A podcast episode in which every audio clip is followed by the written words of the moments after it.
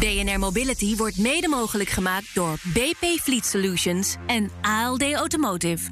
ALD Automotive. Ready to move you. BNR Nieuwsradio. Mobility. Meindert Schut en Nout Broekhoff. Het poldermodel, typisch Nederlands, net als de enorme populariteit van elektrische fietsen. Ja, e-bikemaker Mokumono combineert het beste van twee werelden in een gloednieuwe fiets met de toepasselijke naam Polder. Kijk aan. En te gast is medeoprichter Tom Schiller van Mokumono.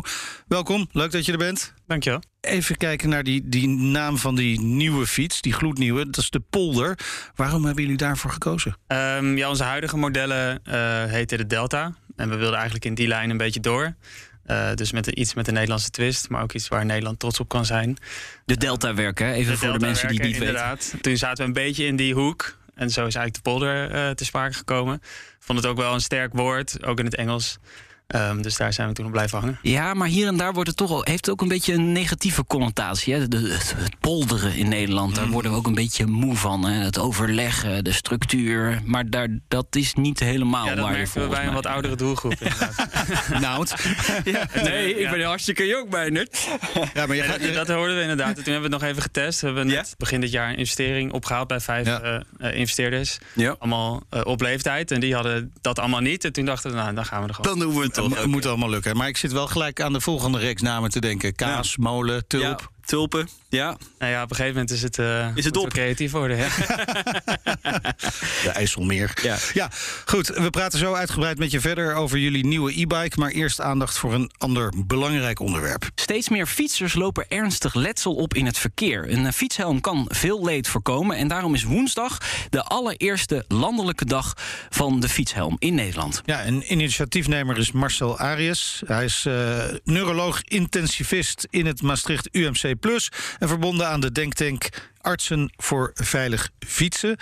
Laten we beginnen even met die nieuwe cijfers. We hebben ze eigenlijk al wel gehoord en gelezen, maar toch even op een rijtje zetten. Het aantal fietsslachtoffers met ernstig letsel, dat is flink aan het stijgen. Ja, wederom. Hè, dus uh, er blijft een forse stijging uh, zichtbaar. En uh, dit past natuurlijk totaal niet bij het overheidsbeleid... waarin we in 2030 op de helft van het aantal slachtoffers...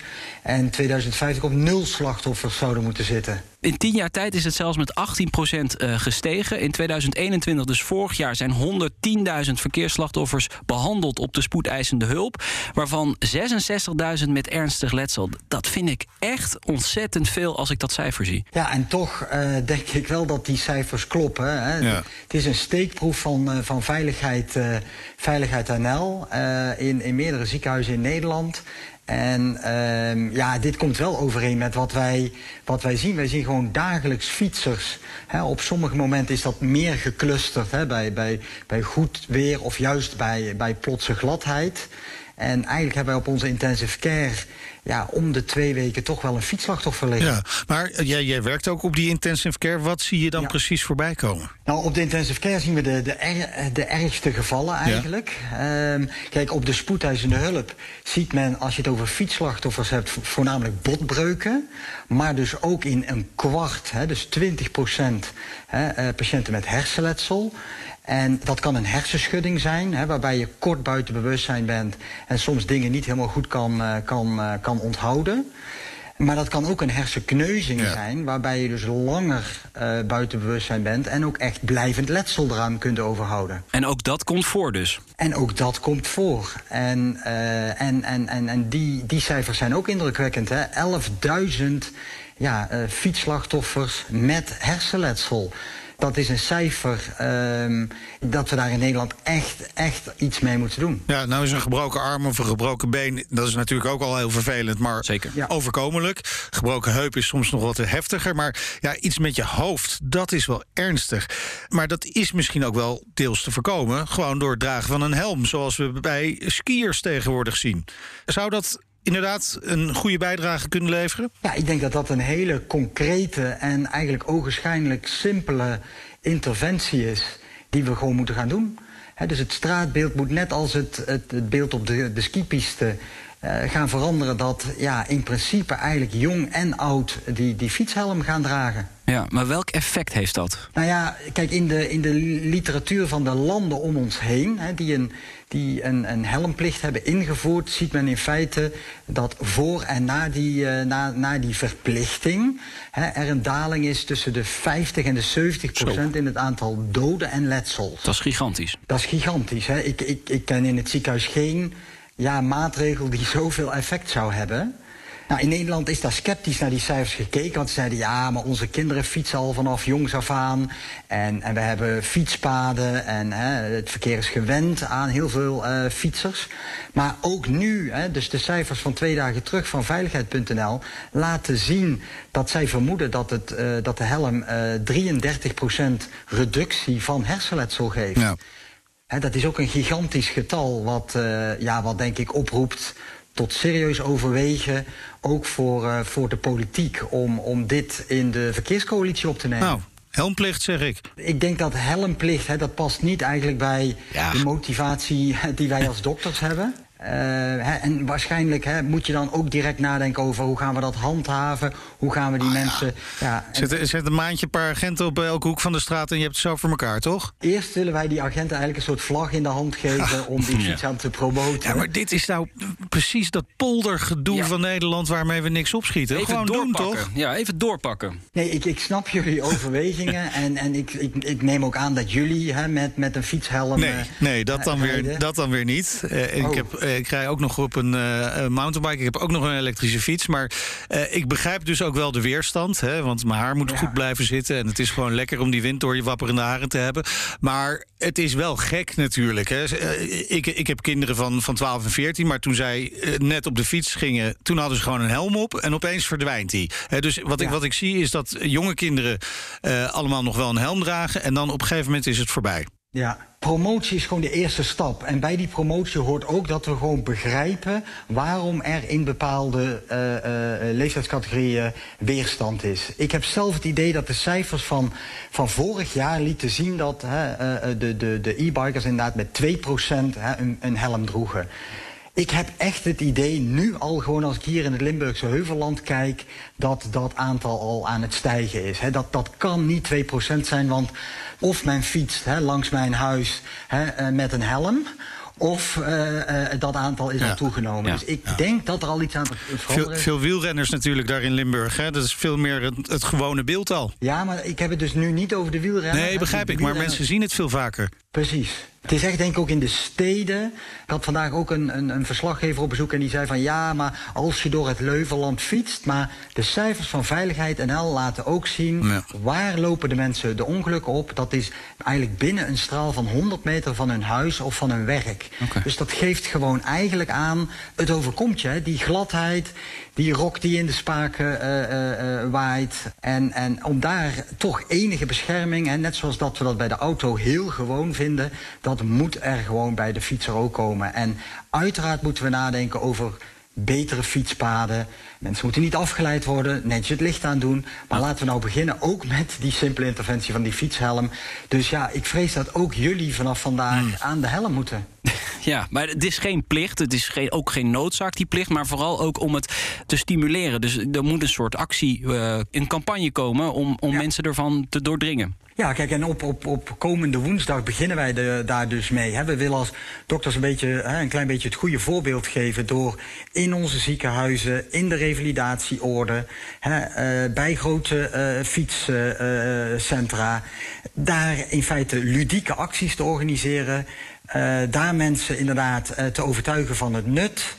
En hopelijk wordt dan die actie ook overgenomen uiteindelijk, denk ik, door overheidsinstanties... Ja. Om, om net zoals in Denemarken uh, dat aantal omhoog te krijgen. En in, in een hele korte tijd. Tom Schiller van uh, Mokumono, hoe, hoe luister jij hiernaar? Want jij verkoopt e-bikes. Ik verkoop e-bikes inderdaad. Ja, ik, ik vind het ook wel lastig. Ik zou niet zozeer zijn voor een plicht. Maar ik vind het op zich wel interessant dat je inderdaad zegt op een skipiste is het hartstikke normaal. En ik zat ook te denken over wielrennen. Al mijn vrienden, dat is ook helemaal geen discussie. Iedereen heeft een helm op. Dus wat die weerstand dan is om hem normaal gesproken niet op te zetten, dat, dat vaak me ook nu even bij mezelf af. Maar ik denk qua handhaving en qua plicht. Je hebt nu al best wel wat middelen die ook helemaal niet worden gehandhaafd. En dan zou dit er dan bij komen. En dat, ik denk, het zou weerstand oproepen. Het, ja, het bewustzijn moet bij mensen ontstaan dat het belangrijk is. En dan misschien in één keer slaat het om. Net zoals op de, op de wielrenfiets of bij uh, de skis. Marcel, zou een e-bike-maker als Mokumono iets kunnen doen? Ja, ik denk het eigenlijk wel. Want als wij toch echt dat straatbeeld willen, willen, willen verbeteren... en ook die bewustwording... Want je hoort nu nog steeds een aantal mensen ook zeggen in, in reportages van... tja, ik heb er eigenlijk niet over nagedacht en waar kan ik dat ding nu halen? E-bikes zullen denk ik het, het straatbeeld hè, volledig gaan domineren. Mhm. En het zou misschien heel handig zijn als, net zoals een hè, niemand levert een auto af zonder autogordel of een fiets zonder voor- of achterlicht. Hè. Laat gewoon die helm bij de e-bike horen. Dus iemand hoeft niet na te denken over zal ik dat ding daarbij aanschaffen. Maar zorg ervoor dat het gewoon in het pakket zit. Dus je koopt een e-bike en je krijgt er een, een mooie helm bij. En als jullie ons dan nog een klein plezier willen doen, zorg dan ook ervoor dat je die helm makkelijk op die fiets kunt, uh, kunt achterlaten als je, als je even die boodschap doet. Nou, huiswerk. Ja, inderdaad. Ja. Nee, maar dat is wel een goede inderdaad. Over het achterlaten van die helm. Want wat, wat doe je daarmee? Dan heb je ook geen zin om de hele dag ermee te lopen. Dat is ook weer anders dan met, met wielrennen of met uh, skiën. Nou, hey, maar Tom, is het een idee dat jij met Marcel een keer om tafel gaat of een keer belt? Want ik, ik merk wel dat, en Marcel zit er heel gepassioneerd in, maar jullie zijn ook een deel van de oplossing. Ja, nou, ik weet niet of dit de oplossing per se is, het meeleveren van een helm. Zeg maar, ik zou het interessant uh, vinden om on te onderzoeken waarom het in wielrennen en waarom het in skiën dan zo normaal is. En dat daar geen plicht bij als je een paar skis koopt, dan krijg je er ook geen helm bij. En toch heeft iedereen hem op. Dus hoe is dat ontstaan? Ja, kijk, weet je, ik, ik, ik denk, ik zou wel heel graag die uh, toenadering uh, willen. Want ik denk bijvoorbeeld hier in Limburg met die vele toertochten die georganiseerd uh, worden. Ja, daar heeft men gewoon als organisatie gezegd: Weet je, jullie mogen allemaal meedoen aan die toertocht, maar wel met een helm op. In één keer hoort het erbij en in één keer accepteert men het. Dus als de e-bike gewoon geassocieerd wordt met het dragen van een helm. Want die snelheden zijn gewoon groter. Hij is zwaarder. En ja, de wendbaarheid is waarschijnlijk toch wat ingewikkeld voor sommige mensen. Dan wordt op een gegeven moment die associatie gewoon gelegd van... ja, met een, met een e-bike, ja, daar moeten we gewoon zeker een helm dragen. En dan zijn we er denk ik al voor een heel groot gedeelte. Dus ik snap inderdaad de vraag van hè, waarom weerstand andere kant denk ik dat er ook altijd heel veel praktische zaken zijn. En laten we die nou zoveel mogelijk weghalen. Woensdag is er sowieso uh, aandacht voor, want dan is de landelijke dag van de fietshelm. Bedankt uh, voor je tijd, uh, Marcel Arias. Hij is neuroloog, intensivist in het Maastricht UMC+. BNR Mobility. En wij praten verder met medeoprichter Tom Schiller van e-bike-maker Mokumono uit Diemen vlakbij Amsterdam. Afgelopen week werd dus de polder onthuld. Dat is een beetje jullie SUV. Ja, dat klopt inderdaad. Trouwens, als dit wordt uitgezonden, dan zitten we in, uh, zitten we in Amsterdam. We gaan maandag verhuizen. Dus dat is even goed om te zeggen. Maar uh, de nieuwe polder, inderdaad, ons nieuwste model. En uh, we hebben nu twee modellen op de markt: de, S, de Delta S en de Delta C. Uh, die kun je ook customizen in een eigen kleur. En dan, hij ziet er sowieso al wel um, uh, sportief uit. En dat is hij ook. En dan wordt het een beetje een sportauto voor mensen. Zo gaan ze er ook mee om. Hij wordt zo okay. mooi in een, in een prachtige kleur gespoten... dat ze eigenlijk bang zijn om hem uh, bijna te gebruiken. En het idee van de polder is een robuuste, solide ah, fiets... Ja. Okay. die gewoon alles aan kan waar je denkt... oké, okay, kan, ik, kan ik mee doen wat ik wil. Ja. Dat komt altijd goed. Nou komen er steeds meer e-bikes op de markt. steeds meer merken. Hoe wil Mokumono zich onderscheiden van de rest? Nou ja, wij zijn onderscheidend omdat wij zoveel mogelijk van onze productie in Europa proberen te doen. Uh, we zijn in eerste instantie gestart met de ontwikkeling van een nieuw productieproces om ons frame. En dat is eigenlijk de hart van, uh, het hart van, een, ja. van, een, van elke fiets. Uh, in Nederland te produceren. Daar hebben we een eigen geautomatiseerd productieproces voor ontwikkeld. omdat normaal gesproken een fietsframe met de hand wordt gemaakt. En dat gebeurde ooit in Europa, maar al een hele tijd in China. En wij wilden gewoon een Nederlandse fiets maken. Dus daar hadden we een ander proces voor nodig. En nu ook weer met de polder proberen we zoveel mogelijk andere onderdelen ook te herontwikkelen. Uh, om dan ook weer in samenwerking met Nederlandse producenten hier te maken. Uh, en anders met um, uh, Europese producenten. Om uiteindelijk tot een 100% Europees gemaakte fiets te komen.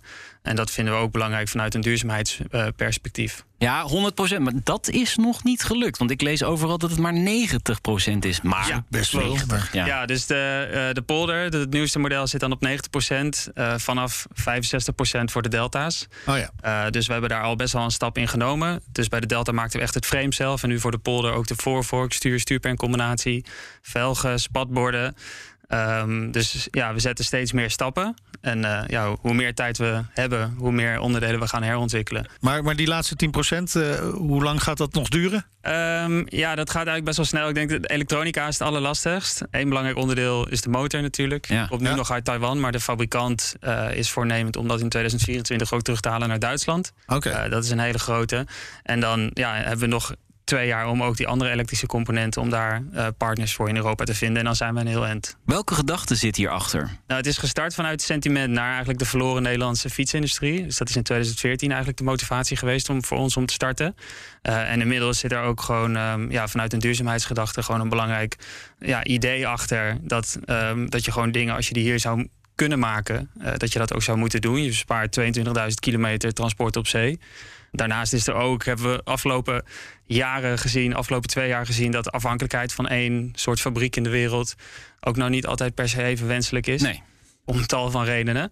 Dus daar willen wij ons gewoon hard voor maken. Ja, voor gewoon ja, wat dat betreft is je timing natuurlijk perfect. Dat nou. je in deze tijd productie hier naartoe haalt, of al hebt gehaald, past precies bij deze tijd. Ja, wij waren er al even mee bezig. Ja, ja, nee, precies. Maar uh, nu ja, komt dan zeker. alles samen, blijkbaar. Ja. Maar is het ook kosteneffectief? Um, ja, dus uh, zeker met ons nieuwe model hebben we wel echt wat uh, innovaties doorgevoerd, ook in ons eigen proces. Uh, waarmee we ook in combinatie met nu de gestegen transportprijzen ongeveer op hetzelfde prijsniveau zitten als een frame uit Azië.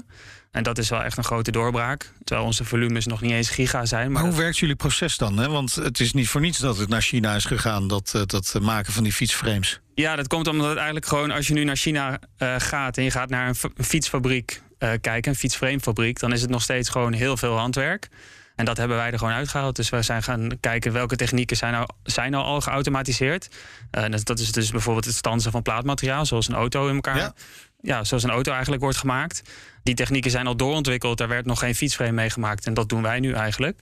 Uh, maar door dat stuk arbeid te vervangen voor een geautomatiseerd proces, uh, daar zit dan je winst. En als je dan aantallen hebt, ja, dan wordt het in één keer interessant. Wil je ook een voorbeeld zijn voor andere Dat is niet de missie, maar dat, dat gebeurt vanzelf. En uh, we weten wel al van andere producenten die zich bij onze pers bijvoorbeeld hebben gemeld het afgelopen jaar. Er is nu één frame daar ook in productie van een Amsterdams fietsmerk. Uh, weten we al. Die hadden dat ook even gemeld. Een Amsterdams um, fietsenmerk? Ja, ja, nee, niet degene waar iedereen aan denkt.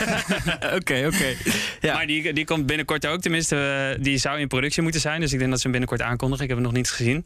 En uh, we, hebben zelf, we zijn ook best wel een paar keer benaderd voor opdrachten om voor hun een frame te ontwikkelen. En dat is in de afgelopen tijd alleen maar in stroomversnelling gekomen. Omdat iedereen iets moet met die ja, eigenlijk met dat leveringsprobleem. Dus het is dan minder vanuit een missie of minder vanuit een, vanuit een duurzaamheidsgedachte, maar puur om gewoon te kunnen leveren. Ik vind het ook wel een mooie fiets geworden. Wat vind jij, uh, Meindert? Ja, ik vind hem ook mooi. Luisteraars die niet denken, wat is het? De polder. We zetten een foto op uh, bnr.nl slash mobility. Ik keek naar het frame en ik dacht, dat frame is in één stuk, uit één stuk gemaakt. Maar dat is niet zo, hè? Nee, het zijn eigenlijk uh, simpel gezegd twee helften. Dus het proces bestaat uit geperste plaatdelen. Uh, dus het zijn platte platen aluminium. Die worden in een matrijs, dus in een, in een mal in vorm geperst. Ja. Uh, zo worden de twee helften gevormd. En die worden dan weer robotisch aan elkaar gelast. Uh, en dan ontstaat er één geheel. Wat zijn de specs? Hij is standaard uh, met een uitneembare accu van 360 wattuur. Dus dan heb je zo'n 80 kilometer range. Maar er kan ook een 540 wattuur accu in. En dus uitneembaar, wat een belangrijk uh, voordeel is. Waarom, is dat, ja, waarom is dat belangrijk? Jullie hebben daar blijkbaar bewust voor gekozen? Ja, eigenlijk twee redenen. Ten eerste omdat het gewoon heel praktisch is voor heel veel mensen. Ja. dus je wordt die hoog achter woont, dan is het ja. erg lastig om zo'n zware fiets mee naar boven te sjouwen. Zeker, dus dat, is, dat is een belangrijk ding. En het tweede deel is eigenlijk dat een accu gewoon het zwakste ja, het, de zwakste plek is van een e-bike. Omdat een accu degradeert gewoon. Dat is een gegeven, ook in je laptop of in je smartphone. Ja, dat gaat helaas. op een gegeven moment wordt dat minder. Of in je elektrische auto. En waar heel veel fabrikanten voor kiezen... Uh, natuurlijk vanuit een designperspectief... is om een frame helemaal om een accu heen te bouwen... En die vervolgens eigenlijk ja, de, de vraag van... oké, wat gebeurt er over vijf jaar... als daar nog maar 10% of 20% van de accupaciteit in zit? Wat doen we dan? Ja, die wordt niet echt gesteld. En dat is eigenlijk best wel zonde, omdat je dan een tijdlijn op een fiets plakt. Uh, of op een e-bike plakt, die eigenlijk helemaal niet correspondeert met een normale fiets. Want een normale ja, je, fiets... je, kunt hem toch wel vervangen, bijvoorbeeld bij dat concurrerende merk uh, waar we het nog niet over hebben gehad. Maar nee. dat is van Moof natuurlijk, hè, ja, erg als die, bekend. Als die besluiten, en dat, dat gebeurt ook, daar, daar zijn al verhalen van bekend. Van, van die generatie van vijf jaar geleden, die accu die maken we niet meer. Oh ja. Uh, dan kom je, dan kom je met de problemen. Oh. ja, dan kom je in de problemen. En dat is vanuit ook weer een duurzaamheidsperspectief, waar je eigenlijk een, een product zo lang mogelijk gewoon in leven wil houden klopt dat eigenlijk natuurlijk. Nee. Ik vind het wel eerlijk dat je dat ook eerlijk erbij vertelt. Dat de accu is inderdaad een van de zwakste punten van zo'n fiets. En die degradatie, ja, dat is gewoon vervelend. Maar dat hoort er natuurlijk wel bij. En als je dan kunt wisselen, dat, dat is top. Um, hoe hard gaat hij? Hij is wettelijk begrensd op 25 km per uur. Wettelijk begrensd. Oké, dus ja. tunen, dat gaan, gaat dat gaan wij niet doen. Nee, en dat is ook net, natuurlijk in het stuk over, over ja, de helmplicht. Ik bedoel, we hebben al een 25 km per uur plicht, maar die wordt ook niet gehandhaafd. Nee, nee. Ja, laten we daar dan eerst eens naar kijken. We hadden het natuurlijk net al uh, over Vermoof. zijn wel bizarre overeenkomsten eigenlijk. Ook twee broers die begonnen zijn. Jij hebt dan met je tweelingbroer, dat is misschien nog net het verschil. Ze zijn ook begonnen eigenlijk met een niet-elektrische fiets steeds net als jullie. Is Van Moof ook jullie grootste concurrent? Um, ja, het is wel gewoon de naam die we veel horen natuurlijk. Wordt altijd daarmee vergeleken. precies, dus ja. benchmark is dat. heel vaak. En ook mensen die bij ons komen testrijden, die hebben vaak al daar getest of gaan daar nog testen. Dus uh, ja, daar ontkom je niet aan. Nee. Stel nou dat jullie heel hard groeien. Van Moof heeft wel problemen gehad met de service. Uh, als je de, de fora leest op, uh, op de websites, dan kom je daar wel het een en ander over tegen. denken jullie daar alvast over na? Ja, zeker zeker. Nee, dat is hartstikke belangrijk dat je dat op de goede manier doet. Uh, we zijn net als zij ook een direct-to-consumer merk. Dus ja. uh, iemand die koopt bij ons de fiets. En dan hebben we binnen de garantieperiode sowieso natuurlijk nog een relatie met elkaar. Ja. Ja, en hoe beter wij onze fiets uh, afleveren, hoe minder vaak ja. we elkaar gaan zien daarna. Wat eigenlijk heel fijn is. Dus wij hebben gewoon een incentive om ervoor te zorgen dat die fiets gewoon het goed doet. Ja. Uh, want anders moeten we erachteraan. Nee, precies. Want, want jullie hebben gewoon zitten in Amsterdam. Stel nou iemand in Eindhoven koopt zo'n fiets. Die heeft weinig zin om helemaal hier naartoe te komen als er een probleem mee is. Ja, nee, dus wij gaan eigenlijk altijd er naartoe. Dus als er een probleem is met een fiets, dan zorgen wij dat we erheen gaan. Uh, dus we hebben gewoon een bus met, al, met alle gereedschap en ja. uh, dingen die, die nodig zijn om een fiets te maken. En dat willen we gewoon niet te vaak doen. Nee, dus daar nee, proberen we nee, stel dat jij succesvol wordt, dan ben je alleen maar aan het rondrijden misschien.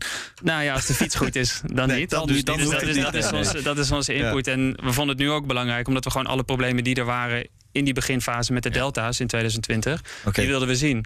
En elke productie, elke productiebatch die we hebben gemaakt, daar zit altijd weer een verschil tussen, omdat we gewoon dingen leren. Ja. En nu de polder is weer een uh, vervolg van, die, van dat leerproces.